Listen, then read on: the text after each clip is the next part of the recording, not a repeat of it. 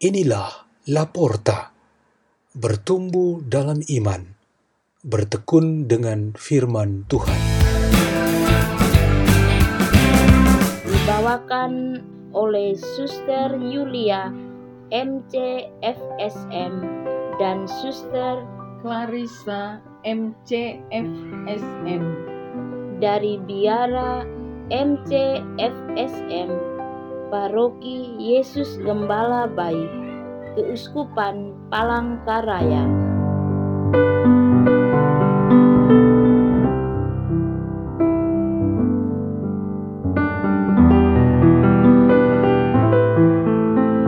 Bacaan dan Renungan Sabda Tuhan Hari Kamis Pekan keempat Prapaskah tanggal 18 Maret 2021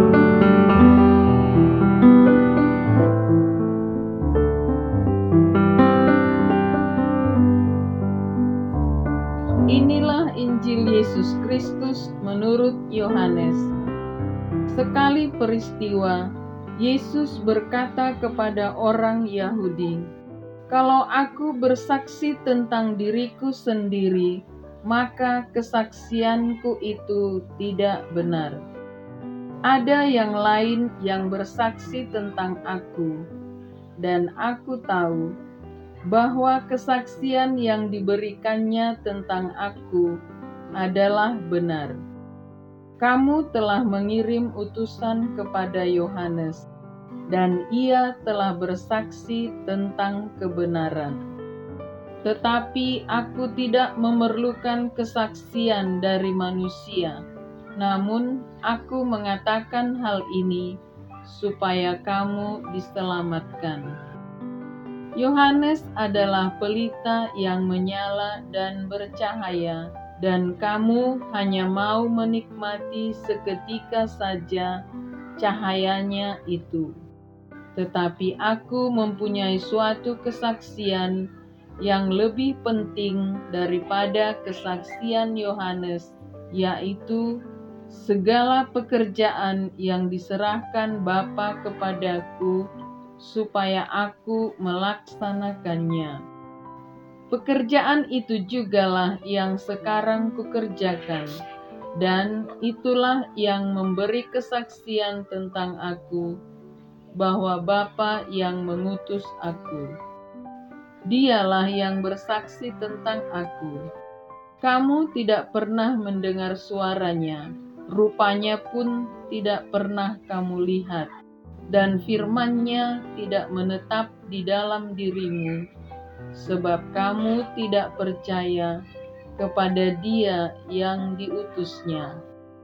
Kamu menyelidiki kitab-kitab suci, sebab kamu menyangka bahwa olehnya kamu mempunyai hidup kekal.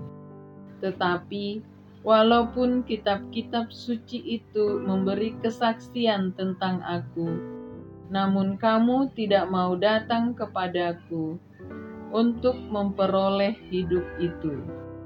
Aku tidak memerlukan hormat dari manusia, tetapi tentang kamu memang aku tahu bahwa di dalam hatimu kamu tidak mempunyai kasih akan Allah. Aku datang dalam nama Bapakku, dan kamu tidak menerima aku.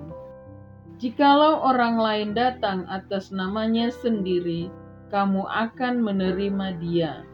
Bagaimanakah kamu dapat percaya karena kamu menerima hormat seorang dari orang lain, tetapi tidak mencari hormat yang datang dari Allah yang Esa?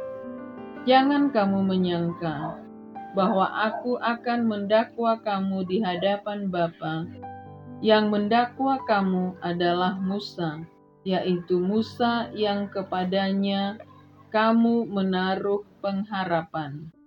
Sebab jikalau kamu percaya kepada Musa, tentu kamu akan percaya juga kepadaku, sebab Musa telah menulis tentang aku.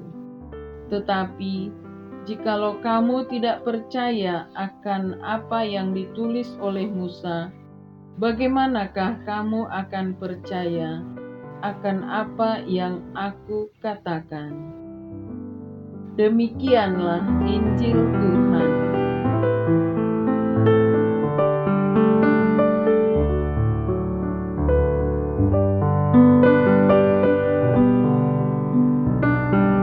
Renungan kita pada hari ini bertema Pekerjaan memberikan kesaksian.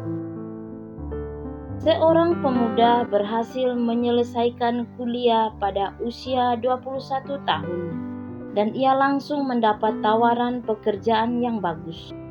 Satu tahun berikutnya, ia meminta izin orang tuanya untuk menikah.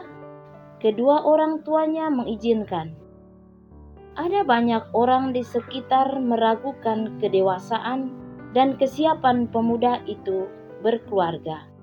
Namun orang tua membelanya dengan berkata, "Kami mengenal dengan baik anak kami dan ia sudah mandiri. Ia siap untuk berkeluarga." Para musuh selalu melawan Yesus dan menganggap bahwa ia tidak memiliki kemampuan apa pun untuk berbuat baik. Mereka tidak mengakui dan tidak menerima kalau Yesus diutus oleh Bapa di surga. Tetapi Yesus membela dirinya bahwa bukti Allah berkuasa ialah di dalam pekerjaan-pekerjaan yang dilakukannya. Penyembuhan orang sakit, bangkitnya orang mati, makanan bagi yang lapar dan haus, pengusiran roh-roh jahat, dan penghiburan bagi orang-orang sedih. Semua itu adalah fakta pekerjaan Allah yang tak dapat dibohongi. Yesus meminta mereka untuk membuka pemahamannya.